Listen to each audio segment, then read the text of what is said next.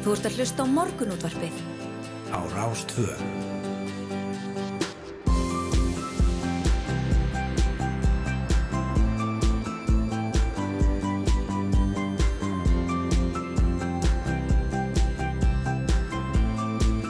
Morgunútvarpið Á Rástvö. Morgunúttarpiði heilsar miðugudaginn 1. júni klukkan 8.10 myndir í sjö og yngvar Þórusnar og Sindradóttir vera hérna með okkur til klukkan 9 1. Já. júni, lóksins Nákvæmlega, Ha. 1. júni, útborgunardagur sem að margir fagna já, já, akkurat að borga sér að borga reikningarna sem fyrst Já, mörg að fagna í dag Algjörlega, Eh, Svona algjörlega. formlegu sumri og, og, eh, og útborgun allavega Já, já, en svo líka bara stutt í alls konar frítaga, það er uh, hvítasunarhelgi um næstu helgi uh, miðvikudagur í dag, þannig að styttst í hana Já, já, við mitt síðan fáum við þryggjata helgi þegar 17. júni kemur upp á föstudegi í um, þar næstu viku Nákvæmlega, Það er bjart, eh, bæði bjart yfir veðurfarslega Já. og held ég bara í, í kollinum á fólki algjörlega bjart framöndan innra með okkur, Já. sól í sinni Já, nákvæmlega. Herðið við að fara örstuðt yfir það sem verður í þætti dagsins. Eh, Einmitt. Það er jarðskjáltavirknin á Reykjaneskaga en morgublaði fjallaði það í gera stöðu jarðskjáltavirkni þarna á síðustu missurum hafi hert á þróun landsbrots í Krísvögurbergi og hamravekkurinn færist stöðugt innar og nálgast ljósvitan sem þar stendur. Og við ætlum að heyri Óskari Sævarsinni, hann er landvörður í Reykjanes fólkbanki Við ætlum að ræða náttúruna þarna eh, bergið og reynlega hvort vitin sé í hættu. Emitt. Danir ganga kjörborun í dag og kjósa hvort þeir vilji áfram vera undanteknir varnarsambandi Evropasambandsins eða vera fullir þáttakandur í því. Við ætlum að ræða atkvæðagreisluna og stemninguna fyrir henni við Jórunni Einarstóttur íslensku og dönsku kennara sem búsettir í Kaupinu. Já, nákvæmlega.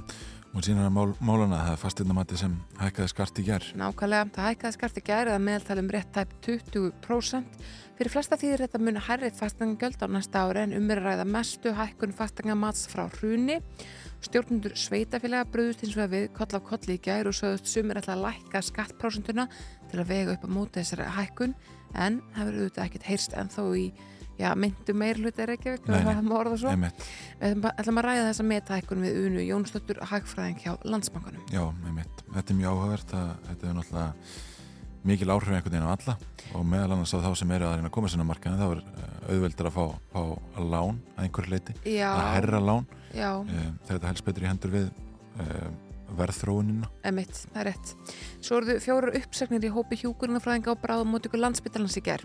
Starfsfólk hefur um margra mánuða skeið lístalgjöru neyðar ástandi á spítalunum, átti í 60% starfsmanna hafa fundið fyrir kulnrengunum og 22% starfsfólks íhugað að fara í veikindalegi sögum þessa og við ætlum að fá til okkur Runald Pálsson, forstjóra landsbytalans upp á klukkan 8. Já, nákvæmlega. Við um, ræðum oft um stöðun á landsbyndalánum og um um, uh, sko, þetta sjáurútvers kerfi sem við erum með Já, Við ætlum að sinna þessum málum báðum í dag. Ég matvalar á þeirra Svandi Svavastóttir tilkynnti í gærum skipan stórar samráðsnemndar og sérfræði hóps til að fjallum samþjöppun í sjáurútvegi. Vildan að orða þannig að það væri meinsemda að lagi ekki betur fyrir eh, hversu mikil þessi sam, samþjöppun væri. mm, En fyrsta uppgjör stóra sjávarútvegs fyrirtækja benda til met hagnaðar í greininni og rættu verið um framlag greinarinnar til samneislunar undanfarnar daga og undanfarnar vikur undanfarnar ára ára og tugi. En Heiðrun Lind Martinsdóttir framkvæmdastjóri samtaka fyrirtækja í sjávarútvegi hún ætlar að koma til okkar um það bil hálf nýju og ræða þessi mál.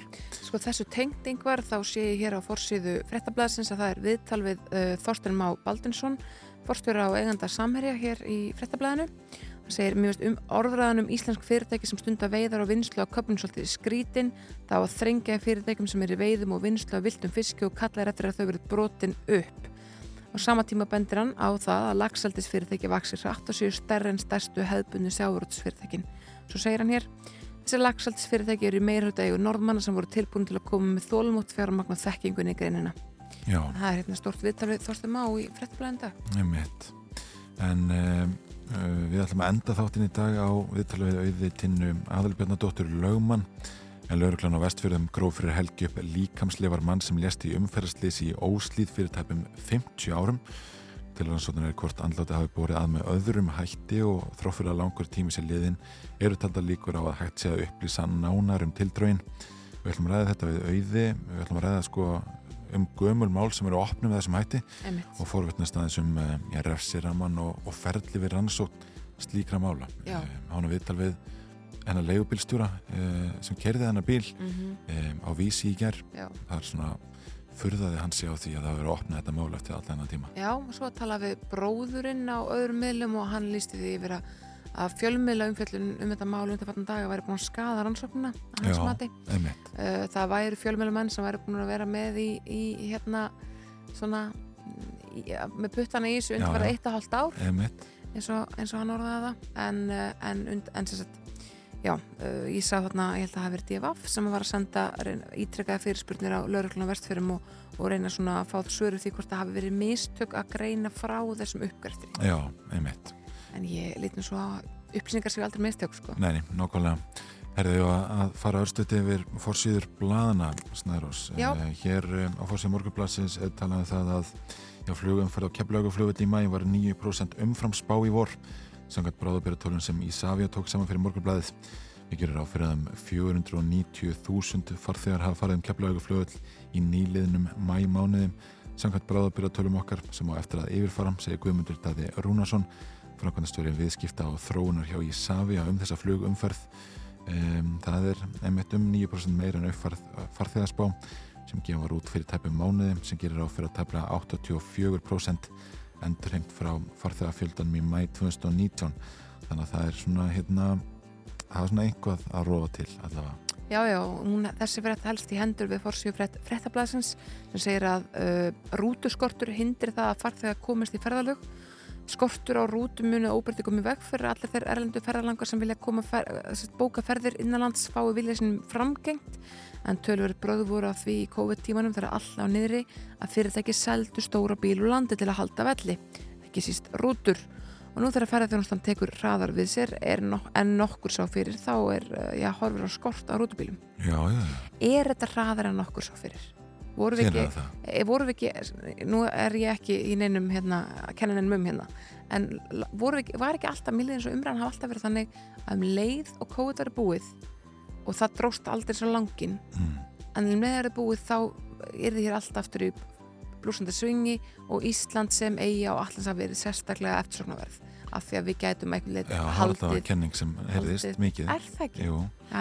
Um, það vil vera vitur eftir á Já, það er nú það. Um, uh, það er nú ákveðin nefnir það hérna morgunblæðin og við erum að ræða fastegnamatið og, fastegna og við morgunblæðið náði Hildi Björstóttur, átvita sjálfstæðisflokksins um þessi mál, nákvæmlega mm.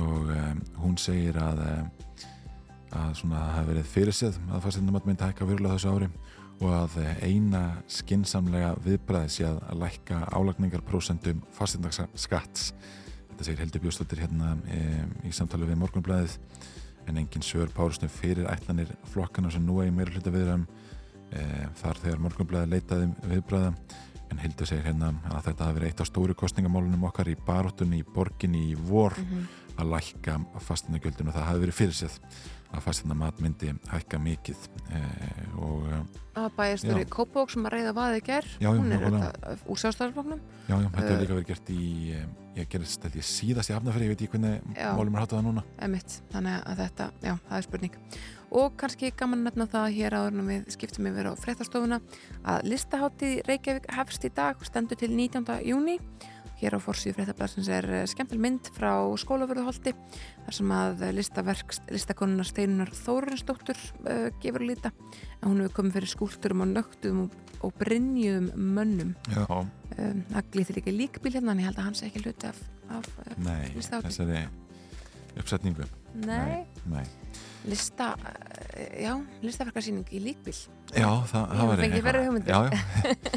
Herðu, uh, við ætlum að fara að uh, skipta verið á fréttastofuna uh, ræðum síðan aðeins betur um veður og færð hér eftir sjöfréttir og heyrum síðan í, já, í okkar manni á Reykjaneska Einmitt. En við slum að heyra hvað frettstofan hefur að segja áður en við komum aftur að vörmuspori. Þú ert að hlusta á morgunútvarpið. Á Rástvö.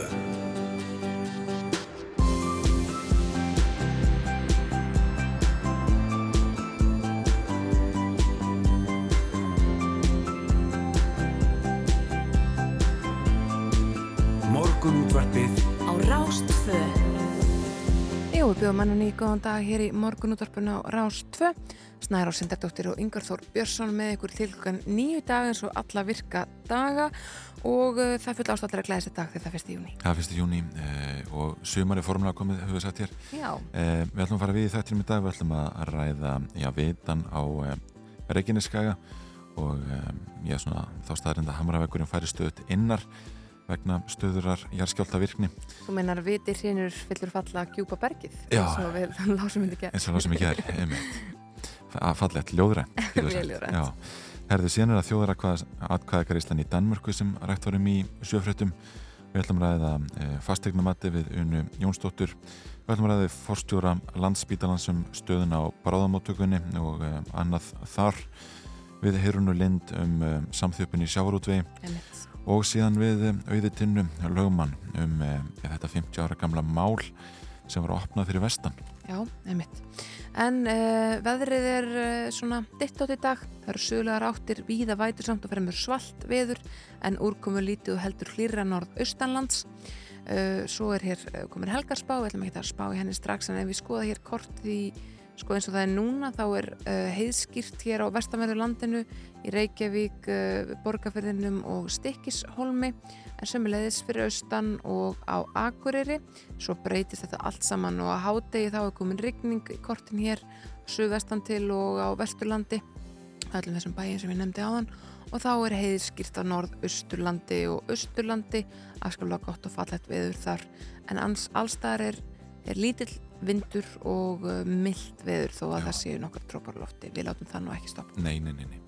Hér á vef, vegagerðarinnar um, er bent á það að um, í kvöld frá 7 til um, klukkan 6 á morgun að mótni uh, þá á að malbygga báðar akreinar á Suðurlandsvegi við Kaugunarhól undir Ingólfsfjalli og Suðurlandsvegi verður lokað á milli hveragerðis og biskups tungna brautar og hjáluðum Eirabakka veg og Þorlákshafnaveg. Nú, um, ef við lítum á annað hér, þá um, fer viðgerð á klæðingu upp úr göngunum norðamegin e, í kvalfaragöngum. Hún fer fram í kvöld 1. júni og um, vinnan mun hefjast e, klukkan 11 og mun standa fram eftir nóttu og annari akrinninni verður lokað á kapla og um, það eiga ekki að vera tafir vegna þessar vinnu.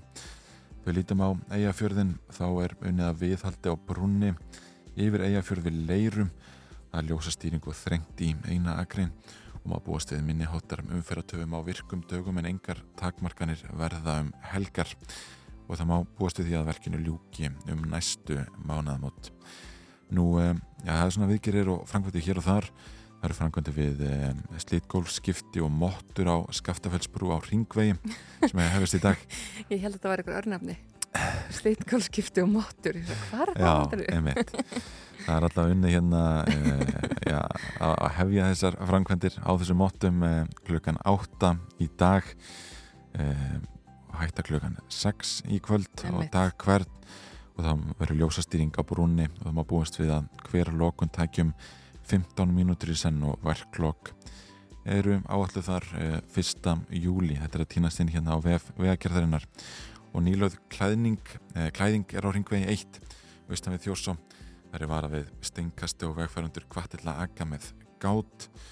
Um, og um, já og, og þessi hérna gammal kunningi hérna á hálendinu. Og meðan frostir að fara úr jörð eru hálendi sveir viðkvæmir og ber ekki umferð.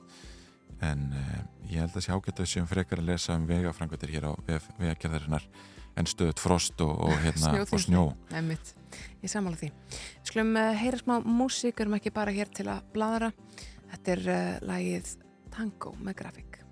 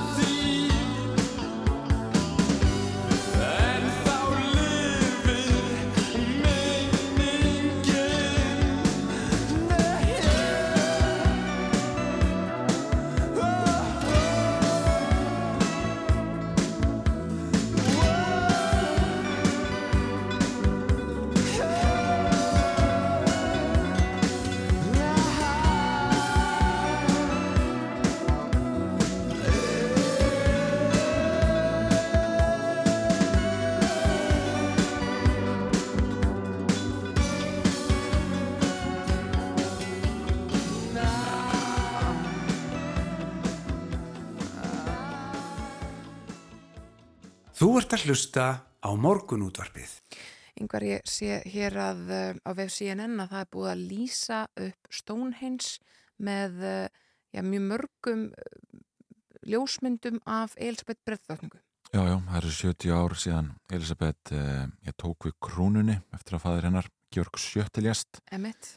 Þannig að hérna, þetta er, við fara ímsa leiðir í, í að fagna þessu. Já, hún er 96 ára gömul, þannig að hún var raun og veru kottnung þegar hún tók við krúnunni en uh, það er sérst búið að, að taka þetta þennan fræga enska uh, minnisvarða eða minnisvarða, þetta er auðvitað eitthvað svona ótrúlegt, eitthvað svona náttúru undur eða, eða Já, já, Stonehenge, það er, það eru hérna fáir skýringar einhvern veginn á bak, baki þessu, þessu merkastað en það er búið að, að setja þetta ljóskastar án í jörðina og, og uh, varpa á þetta flenni stóru myndum já, af betu. Um, þetta er svolítið sérstakt að sá myndir af þessu. Já, einmitt. Eh, og eh, þessu var svona formulega fagnað líka í februar þegar held ég að það var sko nákvæmlega, eh, voru nákvæmlega 70 ár. Eh, og þá fekk hún köku og blóm já, sem er svona hefðbundnar kannski Já. þegar maður á amali en að láta lýsa eh, andlit sitt á, á einhver hérna einhver svona hérna náttúru fyrir briði. Emmett ég stendur hér í þessari frétta að þetta sé ekki fyrsta skipti sem að andlit séu sem sagt, þeim sem, að það sé varpa andlitsmyndum á uh, Stonehenge því ára 2020 þá voru átta verkamenn, breski verkamenn uh, úr sagt, uh, svona lista og, og fornminja hérna uh, bara minni breyta sett á, sett á Stonehenge til þess að þakka sko þeim, þeim hluta fólks sem, sem að vinna þau störf fyrir vinnu sína í faraldrunum. Já, já, já, einmitt. Þetta er, er áhugavert. En eitt og annað hér framöndan. Jú, það er ótaf að segja það ég morgunblæði fjallaði gærum það að stöðu jarðskjálta virkna á Reykjaneskaganum e, hafi hert á þróun landsbrots í e, Krísjögurbergi og við ætlum að heyri Óskari Sævarsinni landverði hér eftir smá. Einmitt, fyrst smá músik If They're Shooting At You með Belli og Sebastian.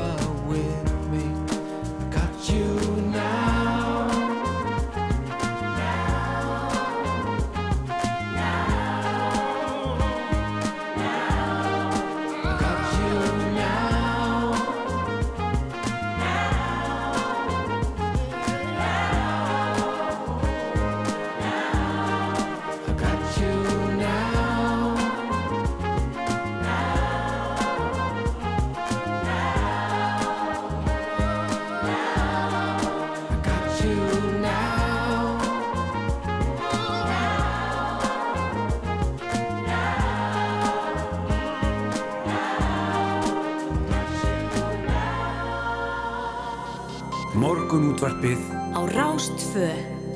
Nú morgun, morgunblaði fjallaðum það í gæra að um, stöði jarðskjálta virkni á Reykjaneskaunum á síðustu missurum hafi hert á þróun landbróts í Krísugur Bergi og Óskar Sæfarsson, landvörður í Reykjanes fólkvangi er komin á línna, góðan daginn. Já, góðan daginn. Sko þessi stöðuga jarðskjáltavirkni, hvaða áhrif hefur þetta á náttúruna þarna og, og landið? Það, uh, það er nú kannski einnig sínilegast á, á sjálfu Krísuguberginu. Mm -hmm. það, það er þessi, þessi aukning auk, aukna virkni, jarðskjálta virkni alveg síðan þarna haustið 20 þegar stóri skjálfning kemur hann í Krísvík sem hafði mikil áhrif á bergi mm. og, og reyndar á fleiri stöðum og síðan hefur bara jörðu skóluð og títra náðast eins, eins og hefur ekki farið fram hjá nefnum og, og það er eins og heit ég hvort það er einhver skýring það, það er eins og þeirra krísökuskjáltarnir koma sem eru nú flestir þarna sunnan við vatni að það er eins og að leiða einhvern veginn niður bergið og, og, og það, það, það titrar titrar eitthvað meira, ég veit ekki hvort það er skýringin en, en, en bergið sjálft er náttúrulega þannig einhvern veginn kannski frábröðið öðrum bjargbrúnum á Íslandi það er, það er gljúft og er sprungið. Það er litlar litla sprungur sem að og, og hafa ekkert verið að myndast endilega sko í, í, í þessum hristingi þetta er búið að vera lengi og, og hérna ég held að hann verið að 73-74 hreinan sem gekk hérna yfir Reykjanesi þá, þá glinaði þetta mikið. Mm. og, og er sko er það brotna út í sjóin bergi sjálft, er það brotna bara haf út? Já, já, það bara fellur niður þetta eru svona Þetta er kannski svona meter, ykkur 1-3 fett, jáfnveil meter sem er að klopna svona 20-30 metra langar sprungur inn í bergi og inn í þessar víkur sem gangi inn í bergi. Já. Það er þetta helst þar og, og, og, og já, einhver geti kannski haldið að hann geti spint fæti í þetta og ítt þessu fram en það er alls ekki þannig sko. Þetta fer í, í skjálftanum. Já, og hversu mikið er að brotnur berginu hverju sinni? Já, við tökum bara, tökum bara hérna hreinuna miklu þarna í áspyrjun 21 á undanfæri Gossis að þá uh, er víkin uh, það sem aðkoman er ennur að bergi uh, niður að Halsvík að þar, er, þar koma flestir og, og, og aðgengi mjög gott og þar mátti sjá nokkur skipti sko fyllur sem höfðu fallið niður. Og við erum að, ég veit ekki í rúmmetrum, þetta eru þetta eru svona 100-200 vörubilslöss í, í hvert skipti eitthvað svo leiðis Í hvert skipti, það er ótrúlegt. Já, þetta er hansi mikið og þegar þetta er allt lagt saman þá er það hansi mikið.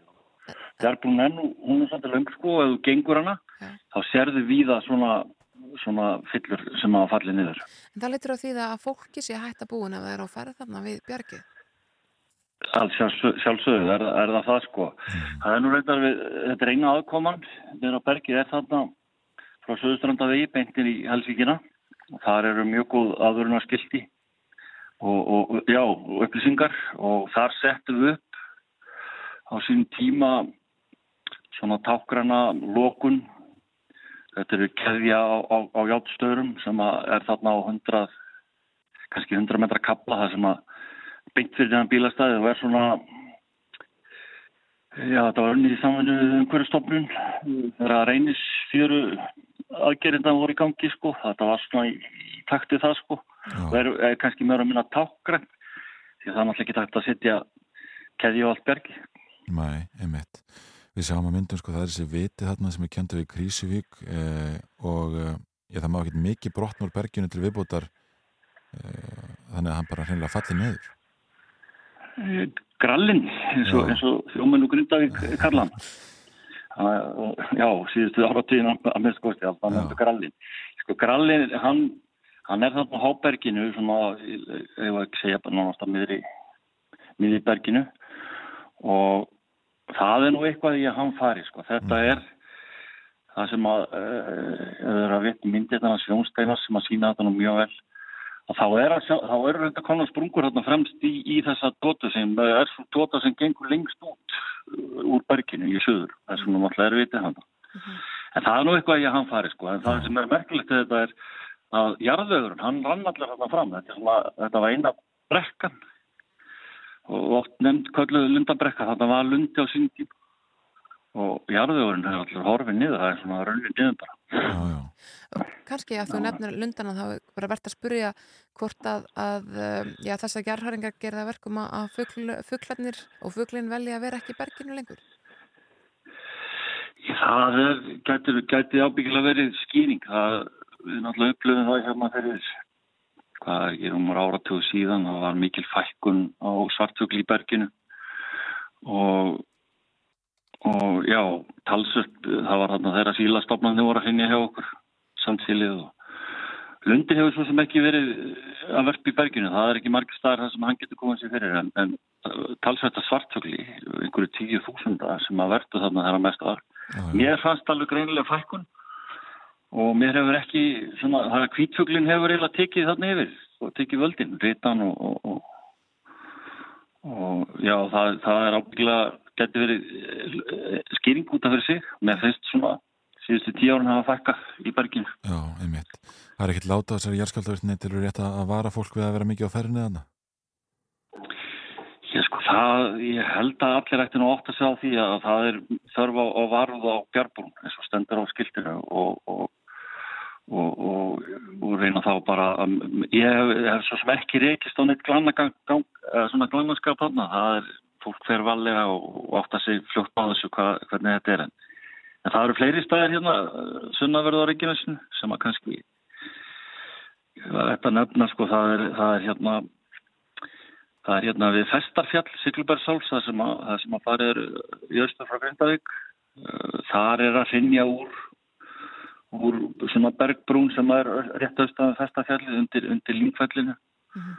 og, og, og eins líka uh, myndi ég halda að þetta hafa varan á sér út við Valanúk, fyrst á Reykjanesi. Takk kærlega fyrir að vera á línunni hjá okkur. Uh, Óskar Sæfarsson, landverður á Reykjanes fólkvangi. Þetta var mjög fornilegt.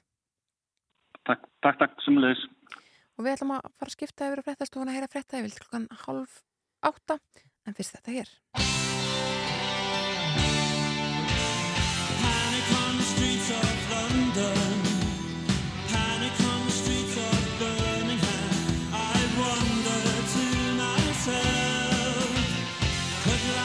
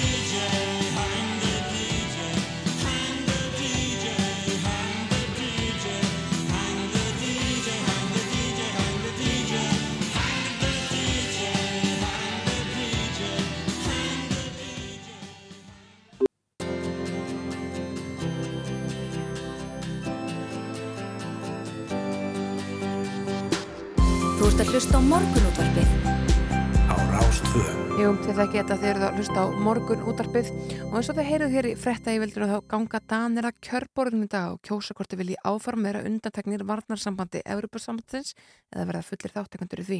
Á línunni hjá okkur er Jórun Einarsdóttir íslensku og dönsku kennari sem er búsettir í Kaupmannahöfn. Hún ætlar að segja ykkur allt eh, já, frá stemningunni fyrir þessari þjóðarkakværslu. Góðan daginn Jórun. Til sæl og blessið. Segð okkur uh, já, hversu lengi hefur legið fyrir þessi þjóðarskakrisla yrði og hversu mikil kynning hefur farið á efni hennar fyrir dönum?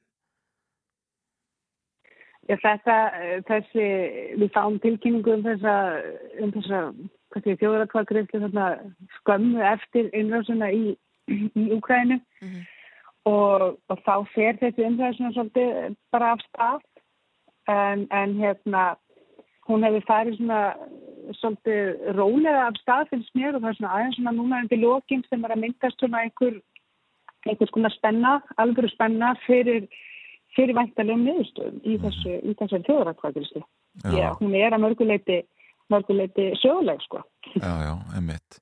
Það kom hérna fram í, í nýri skoðanakununa 50 hver dani segist vera óákveðin hvað hann er að kjósa en það er svona hérna þeir fyrir fjölgandi sem eh, já, eru samþykir varnarsambandinu en hefur verið hart tekist á um þetta í kaplaðum. Sko, já, bæði og. Það sem að hefur auðvitað gerst umræðina hófstilsverði svona að mínumati er að, að sko, það er hver pólitísk samstæð um þetta í þinginu og þeir flokkar sem að, sem að standa saman að þessu hafa verið að koma fram algjörlega sem einn heild og mótmælin eru á yfta væng stjórnmáluna begja vegna, bæði hægri og vinstra megin sko. Þannig að, að, að stóru flokkarnir standa saman, vinst, venstri til dæmis og sosialdemokratar eru algjörlega einhuga í þessu máli og, og það hefur auðvitað áhrif held ég á umræðina. Hún verður ekki alveg eins polarisverið sko, en eins og kemur fram að, að sko bara ég sá það í fréttanum í morgun að, hérna, að, að stjórnmálamenn eru, eru svolítið stressaði sko. Það eru svo rosalega margir óvissir ennþá. Það er ekki hugsa sér að, að- stemma já eða kjósa já segja já en, en eru óttast aðleðingarnar í raun að veru hvort sem er, hvort sem niðurstaðan verður já eða nei. Mm. Og ég finn það til dæmis sko bara hjá, hjá mínum vinum sem nýlega hafa til dæmis fengið tvöfaldar ríkisborgarar rétt sko, eru orðnir bæði danskir og íslenskir ríkisborgarar, að þetta breytir svolítið sko eiga kannski drengi, unga drengi eða annað, hvað þýðingu hefur þetta, hefur þetta fyrir, fyrir okkar tilveru sko, þeirra sem að eru til dæmis bara öðlega ríkisborgarar rétt núna nýlega sko. En það eru svona ímsar vangaveltur í þessu samhengi. Danir hafa verið undanþegnir þessu varnarsambandi bara síðan þeir gengu inn í Evropasambandið. Eh, Er engin umræðan það að það sé kannski svona uh, ég vond að hlaupa af stað til að bræðast við einhverju heims ástandi frekar en að umræðan sé tekin á aðeins svona rólegri tímum? Jú, og þetta er akkurat eitt af því sem er rætt, sko, nú að því að þannig er þetta uh, meðlumir í NATO og, og nú eru svíjar og finnar uh, á líklegasta leiðinni þangað inn líka og þá er akkurat rætt, þetta rætt í þessu samhengi, sko, er ekki, akkurat ekki nóg að vera bara í NATO, sko, Mm en þá kom svolítið stert fram eins og í, í umræðatættinum í gær sem svona síðasti, uh, síðastu, síðastu umræðatættin fyrir, fyrir daginn í dag að uh, þetta sé líka spurning um framtíðina uh, hernaðar aðgerðir eru að breytast. Og það sem hefur fyllt svolítið umræðina hér það er þessi þessi, þessi, brey, þessi, breyt, þessi breyta áherslur. Uh, stafrænu öryggi er ógnað. Uh, og, og það er svona þessar, þessar áherslur svolítið vegna þess að eins og staðan er í dag það standa Danir til dæmis fyrir utan um, allar hérna varnir í þeim efnum allar samrændar aðgerðir í, í, í, í vörnum kakvar stafrænu öryggi og Danmörk er, er hérna er til dæmis mjög framalega í öllum stafrænum innviðum og, og það hefur bara gríðarlega áhrif til dæmis á samfélagið ef, að- ef það eru ráðist á stafræna innviði í Danmarku sko þannig að það er svona, það, það er svolítið svona stefið sem við höfum verið að heyra fyrir þetta dagar sko. Þetta snúist ekkert endilega um, um beinan vopnahernað skiljið, þetta snúist líka um stafrænt Já. og, og, og það er breytingar sem eru mögulega framöndan í, í, í þeim. Þannig að En, en sko, farið svo að, að, eh, að þeir kjósi þannig að, að eh, ja, þessi undan þá verið fælt úr gildi, þurfa Dani þá að, greiða meira til Európusambassins og líka fyrir hversu mikið þá? Já, þá fyrir við, Ég, það, það var svolítið rætt í gæð sko, það kom ekki endilega fram einhverjar konkrétt tölur sko, en, en andstæðingarnir nefna til dæmis að svíjar hafa verið að greiða hvað var á fjóra, fjóra miljarda Já, þetta danskar eru króna í það samstarf og hérna, þetta eru háar fjárhæðir og þetta er auðvitað gaggrínvert að fyrir þá sem eru á móti þessari hérna, aðgerð að, hérna, að þarna verður tekið úr ríkiskassanum peningar inn í samstarf sem ekki hafa verið teknir áður, það er alveg satt. Mhm. Þegar eins og staðin er núna þá greiða Evropu eða staðin er ekki peninga inn í þetta samstarf. Það var stundu verið að tala um að Danir sé ekkert mjög pólitískir, þeir eru alltaf ekkert mikið að tala um pólitík þegar þeir hittast í matabóðum en eitt slíkt, en hefur þetta verið mál málun og undanfarnar vikur svona þegar að fólk hittist á förnum vegi eða hvað?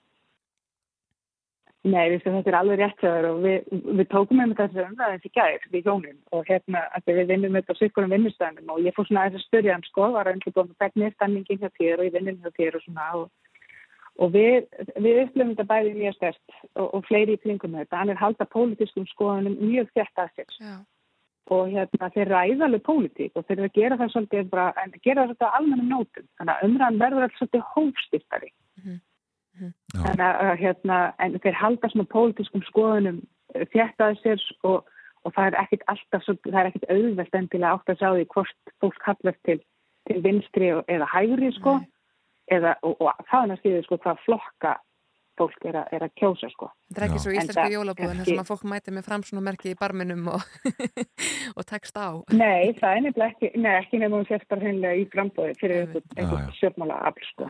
Þannig að það er svona svolítið saf. Þess að bregðum alveg stundum svolítið þegar maður er búin að búa hérna í nokkur ár þessi, þessi harði tótt sem, sem að enginni í Já, já. Það eru útgangusbár sem eru vantanlegar fljótlega eftir að kjörstöðum lokar klukkan 6 í kvöld. Uh, sko, hvernig verður dagurinn hjá ykkur og, og er síðan eitthvað, er eitthvað kostningasjónvarp sem þið horfið þá á í kvöld? Já, já, það verður, við fylgjumst þetta með þessu uh, hérna í sjónvarpinu Thomas Radio heldur úti, hefur haldið úti mjög góðum vef og, og það hefur verið mjög auðvelt að, að, að, finna allar upplýsingar. Og meiri sér ennþá í dag verður þetta fara á netið og, og, og sagt, taka svona kostningapróf og annað sko af því að uh, það, er, það er margir óákveðnir ennþá og fólk er, er í vafa af því að sko sögulega séð sko það hafa Danir tekið oft, kosið oft um málefni Európa-Sambandsins en þeir hafa verið svona frekar stíð mjög varlega til að gera gagvast Európa-Sambandsins og, og svona sögulega þá eru þeir frekar á neyðvagninum heldur en þjávagninum þannig að ef að þessi undan þá verður feltur gildi þá er það þetta svolítið, svolítið stór tíðundi Já, já, í danskri stjórnmálusögu hefði ég haldið sko Já. á þess að vera neitt sérfæðingur nei, nákvæmlega. Þetta er mjög spennandi, una, nei, uh, afsakaðu Jórun Einarsdóttir, íslensku Já. dansukennari. Takk kærlega fyrir að vera línunni frá Kaupmanna. Takk, Það er myndi Sömuleiðis, unna, myndi unna sem er að koma sér fyrir hérna hjá okkur. Nákvæmlega. Eh, Una Jónsdóttir. Una Jónsdóttir, Hagfræðingur. hjá Landsbankanum, hún er að fara að koma sér fyrir hjá okkur, við ætlum að ræða hækkun á fastegnamati þjóðskrár, það var hann, uh, já, brattasta hækkun frá hruni í gerð og hún þýðir eitt og annað fyrir okkur fólki í landinu Já, fór að nákvæmlega. heyra hana aðeins krifja betur. En fyrst uh, smá músík, þetta er nýtt mjög vinsalt In the Dark Purple Disco Machine, mæli með þessu lagi.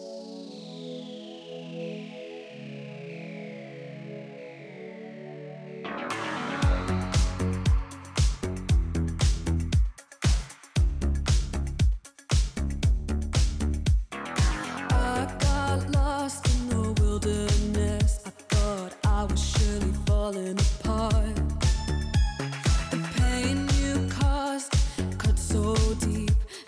Was a work of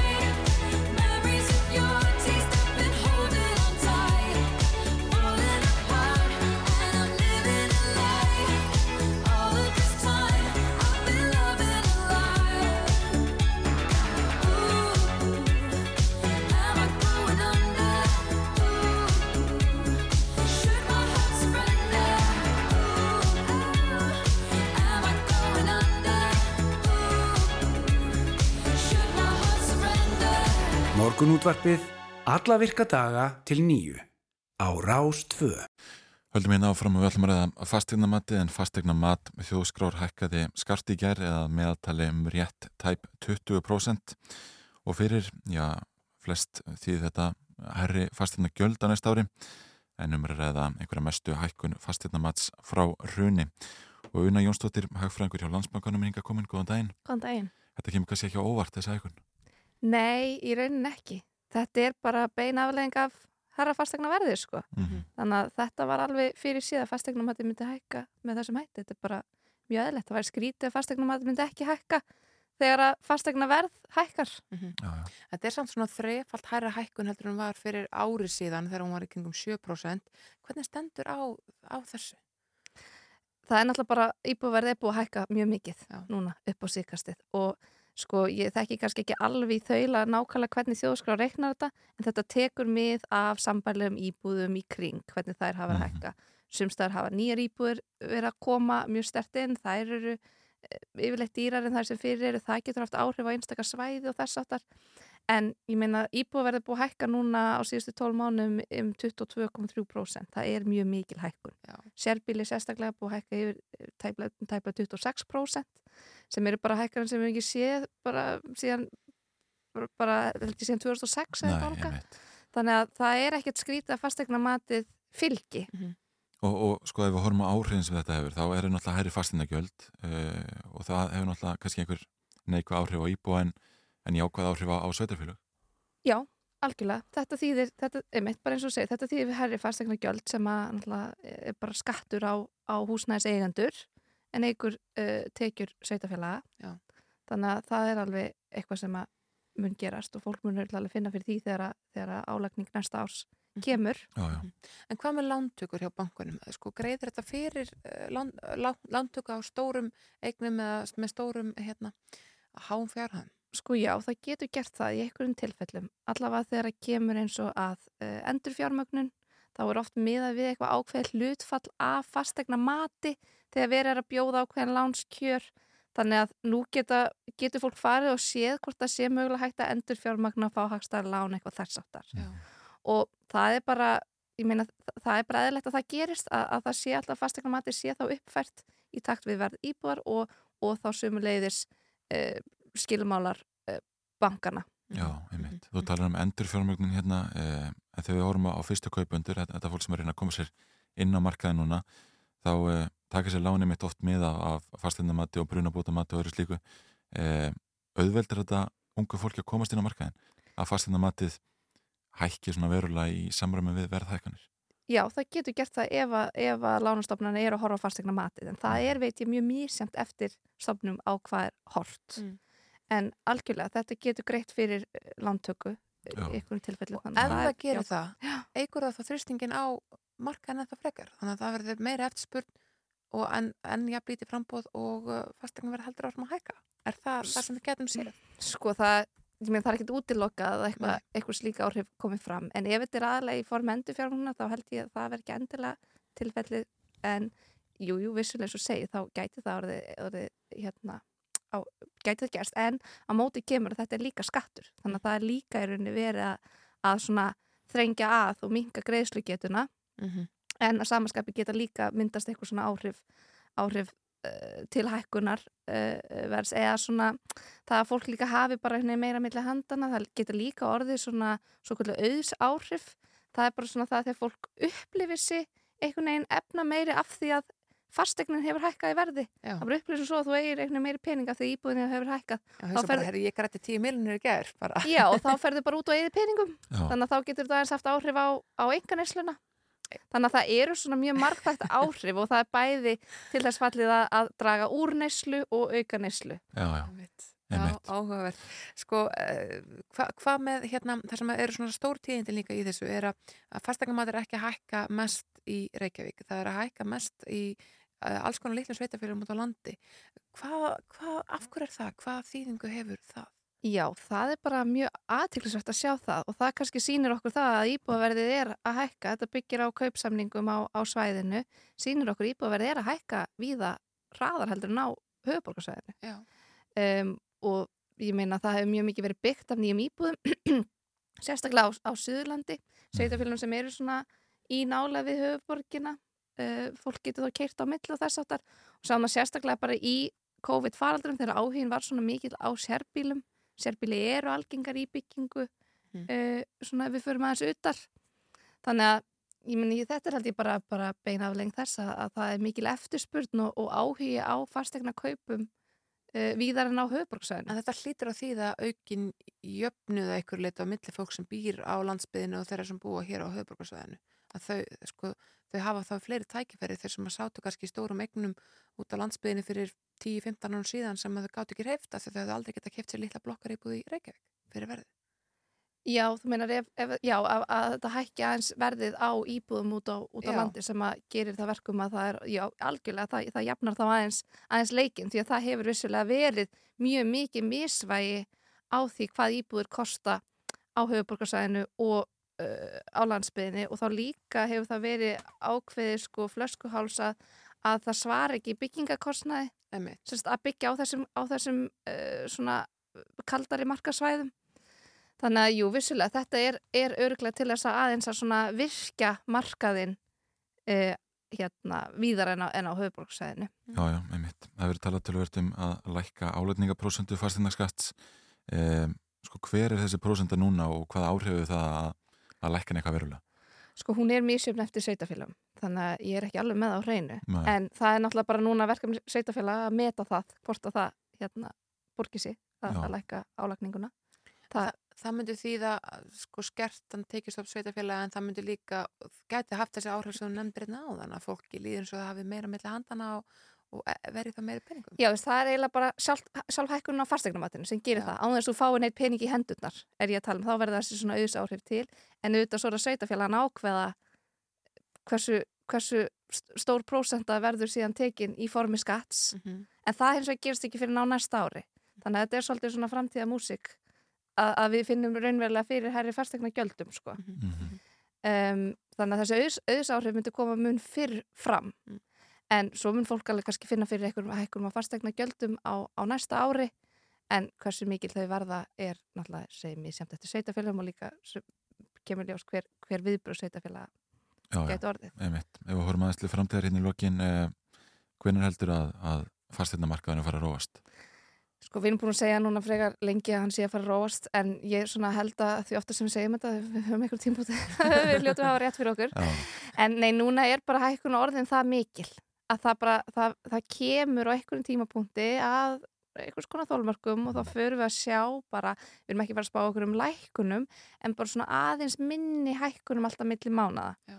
og uh, ég held að við séum örgulega alveg komin þangað og Mhm. við gáfum núna nýver út uh, íbúverspá til, til næstu, næstu ára við erum að spá íbúver hækja jafna um 20% milli ára í ár og þá erum við að gera ráð fyrir mjög litlum hækkunum sem eftir er ás af því hækkunum nú þegar bara orðin svo mikil Já. um, og svo 8% hækkun á næsta ári þannig fyrir að sjá Já. svona eins rólega hvað, takt hvað er það nákvæmlega sem að leiði til þess að það róist aðeins markarinn? Er það bara af því að fólk hefur ekki efna á þessu eða er það af því að það kemur eitthvað frambúð inn á eignum eða fólk hugsa bara eftir því ég ætla að sitja hjá í þetta skipti? Hvað er það sem heldur? Ég held að sé í rauninu blanda af, af öllum þessum áhrifum. Já. Það er náttúrulega stýrivægsta hækkanir sem að verða öruglega uh, þó nokkrar það sem eftir er ás. Mm -hmm. Það er verða til þess að, að minka eins eftirspurnina og hérna svo líka bara auki frambúð sem er að koma inn.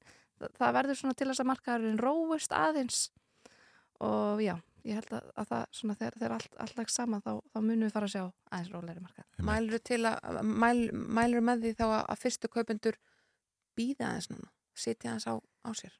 Sko það er mjög erfitt að segja uh, gefa ykkur ráð í þessum efnum náttúrulega ef, að- ef að maður finnur drauma íbúðin og vantar íbúð þá er náttúrulega alltaf góður tími til að kaupa. Já.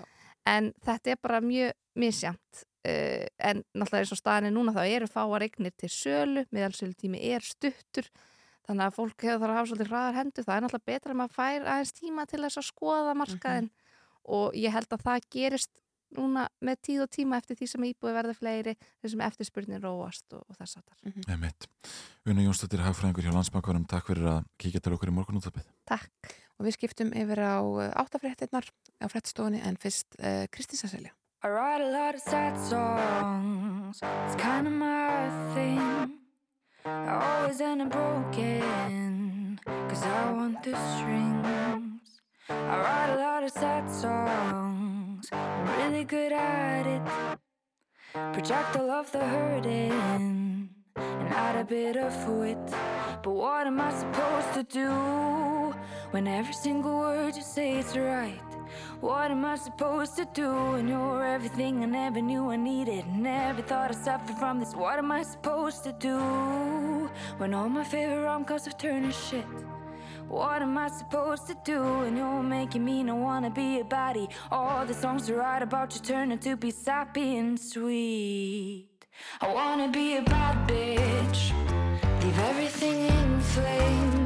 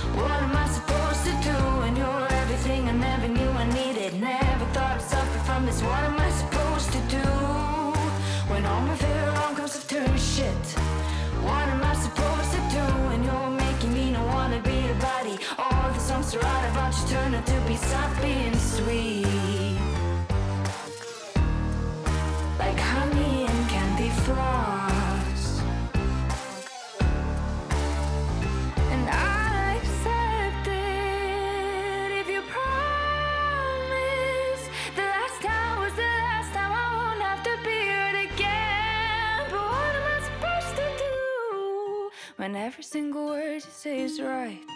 What am I supposed to do when you're everything I never knew I needed? Never thought I'd suffer from this. What am I supposed to do when all my favorite rom coms have turned to shit?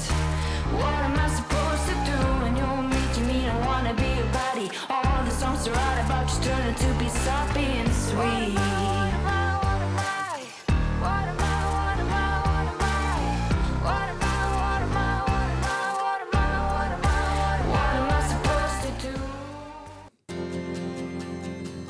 Þú ert að hlusta á morgunútvarpið á Rástvö.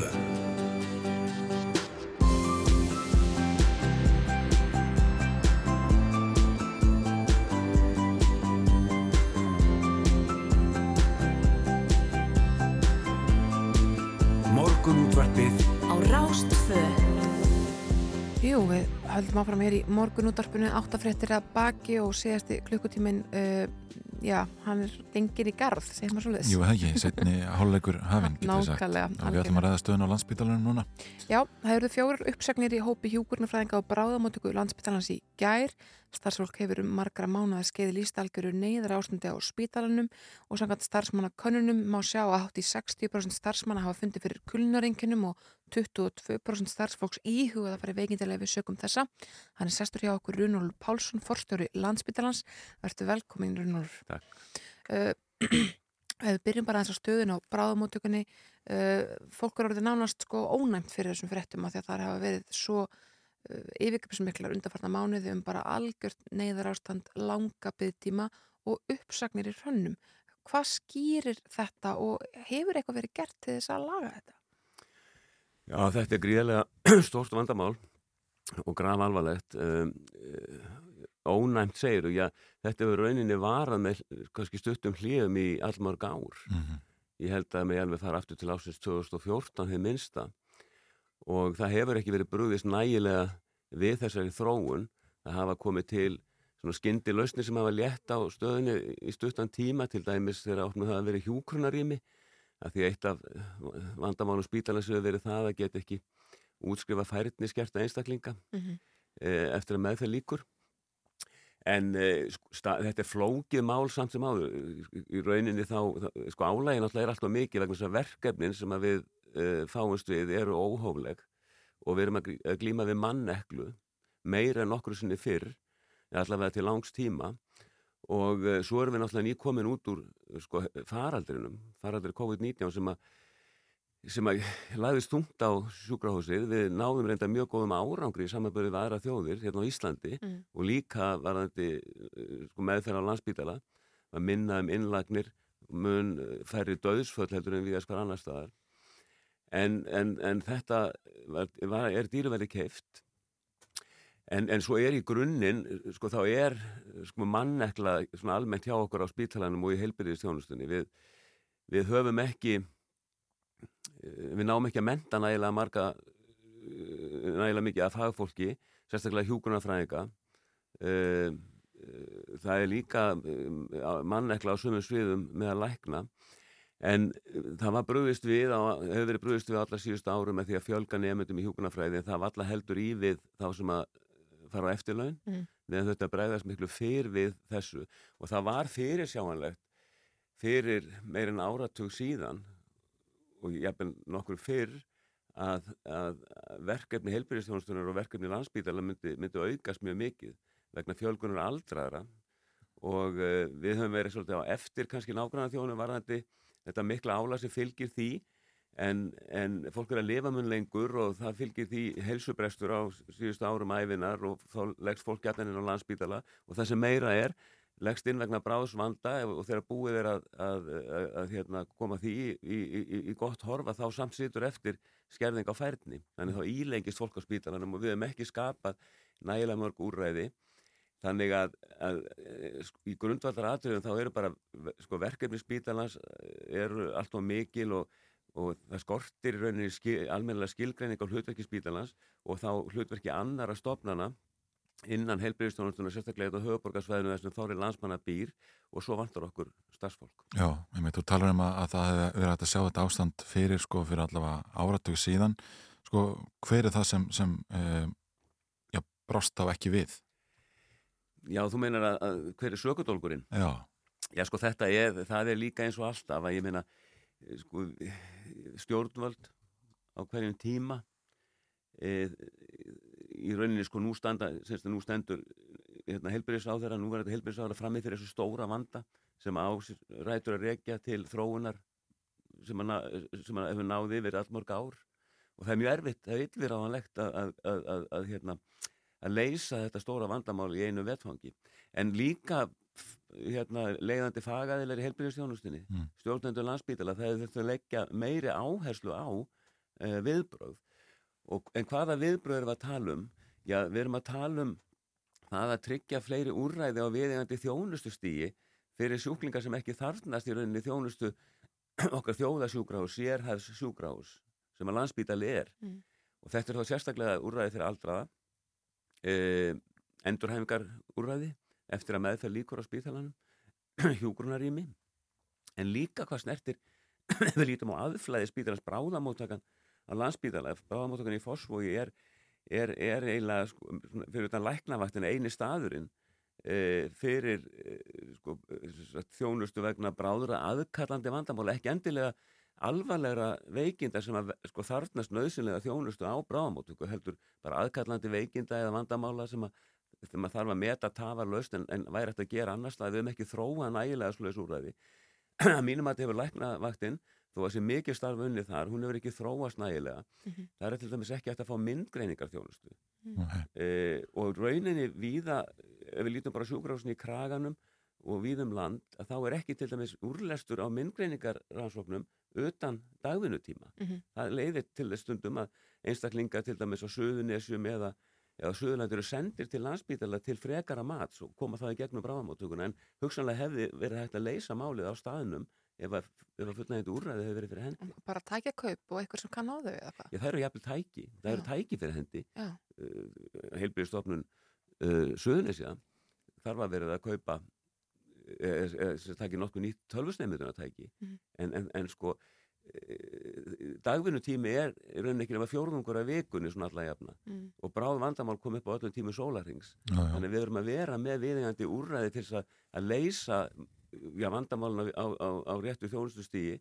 eh, alla, allan sólaringinu rauninni Það talar um mönnunavanda og, og uh, eins og þú leggur þetta fram þá bara það er ekki eins og hægt að útskrifa hjúkurnafræðinga nógu hratt til þess að, að, hérna, að ná einhvern veginn fyrir þann vanda og sömulegis mönnunavandi hjá læknum og svo framvegis.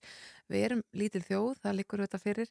Um, ef við getum hérna töfrað fram, já, nokkur þúsund heilbriðistarsfólks sko hefðu þið fjármagn til þess að að setja alltaf fólk á vaktir er það, er það vandi þar að segja þið hafið einfall ekki efni á að hafa nógu marga vöktunum Já, þetta er góð spurning.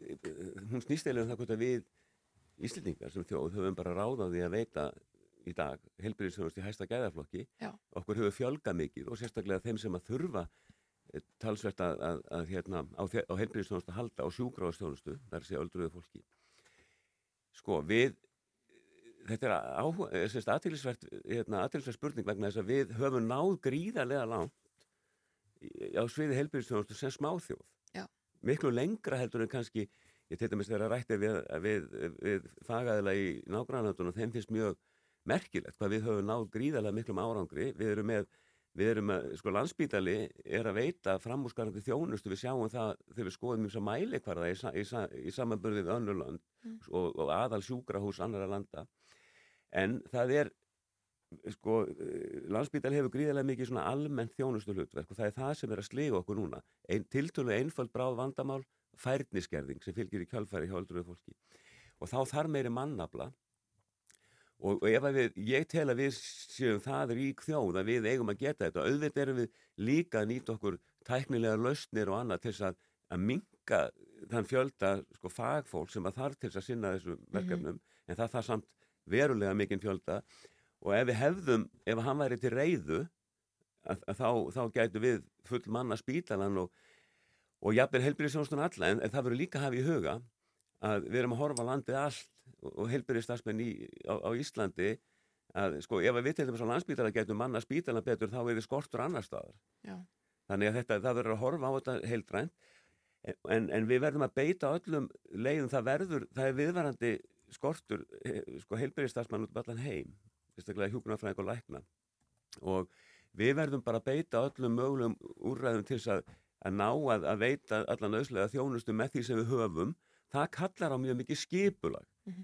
og það að mínu mati hefur ríkt skipulags óreiða í heilbyrðistjónustunni ekki síst hérna á höfuborgarsvæðinu núna til langs tíma Mhm. þannig að, að, verkefni séu að sé reynd að tryggja það með öflugu skipulagi og yfir sín að verkefni séu sem mest á réttu þjónustustígi og verkefni sem allir eiga ekki rauninni heima að flestra mata á landsbítala það sé það hægt að sinna þeim annar staðar en reyndin hefur verið svo að landsbítali er fyrir utan að vera okkar þjóða sjúkrahús þá er hann bakkjarl annara stopnana fyrir það sem þær geta ekki sinn Já, einmitt.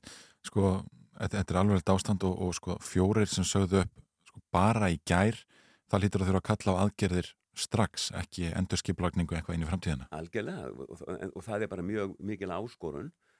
Í rauninni sko höfum við haft áhyggjur að þessu ástandi núna í marga mánuð og höfum verið í viðræðin við helbreyðsáðunetið um úræði til þess að við getum skapa legurými fyrir okkar sjúklinga. Við, við getum ekki mannað einu sinni öll legurými á landsbítala vegna manneklu en það þarf þá að fækka verkefnum og við höfum og, og ráðunetið hefur, verið, hefur unnið að því undanfarta mánuði að skapa úræði utan spítalans, endurhæfingar rými fyrir aldraða, umtalsverðan fjölda, hjúgrunarými líka, Mhm. en því miður hefur þetta tafist.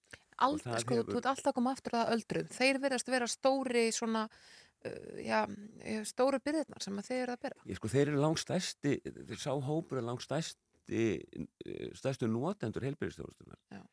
Og til margs um þetta, að það má segja að þessi við flokkum sem öldruna þjónustu, vissulega er ákveðin sérhæðu öldruna þjónustu sem er landsbítalega verður að sinna, en ef við tökum bara öldruna þjónustu svona í víðustu mynd, þá eru það sérstaklega það, það sem er, eh, fólk eh, hérna, stríði við skerta færni, oftast í kjölfra veikinda. Já.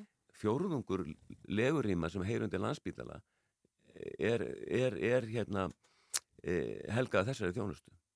Og Er legurýma. fólk sem þarf aðstók kannski við að fara á salerni eða klæða sig eða... Já, við erum að tala um til að mynda í dag þá eru e, á vífilstöðum að það eru svona byðrými eftir hjúgrunar heimili Já. það eru rúmlega 40 einstaklinga það eru kannski aðrir 20 á spítalanum Mhm. sem að eru líka komni með svo, svo kallar færna heilsumat þar sem að þegar eiga þá erindinn á hjúgrunar heimili e, síðan erum við með á landakoti einhver staðar í kringu 60 einstaklinga í endurhæfinga meðferð og svo erum við með hátt í 40 einstaklinga á bráðalegu delta spítala sem er að býða eftir endurhæfingarúræðum. Mm. Og þetta er bara fólk sem hætti heima inn á allir heimilum á einhverjum Nei, ég, góðum endurhæfingar, herbergjum. endurhæfing aldrara í kjöl, sérstaklega í kjölfa brára veikið það gengur út á að, að skapa færni til að fólki komist aftur heim. Já, einmitt. En sko meðan staðan er svona, eh, er sjúklingum reynlega stemt í hættu? Ég sko, eitt verður að hafa í huga, þetta er alltaf alveg gríðar alveg ástand á, á, sem að byrtist fyrst og fyrst á bráðamótökunni, það er líka reyndar á sumum legudeildana og öðrum þjónustu einingum. E, við höfum mist frá áramótum um 15% hjúkunarfræðinga af bráðamótökunni. Það eru um 13 heldur stöðugildi sem við höfum tapað vegna uppsagna. Vá. Og við, og við verðum að gera allt sem við getum til að snúa þessu við og reyna að þrauka þangar til þessi úrræði sem að helbriðsáneti er að vinna að koma til sögunar og við beitum öllum mögulegum ráðum til þess Mhm.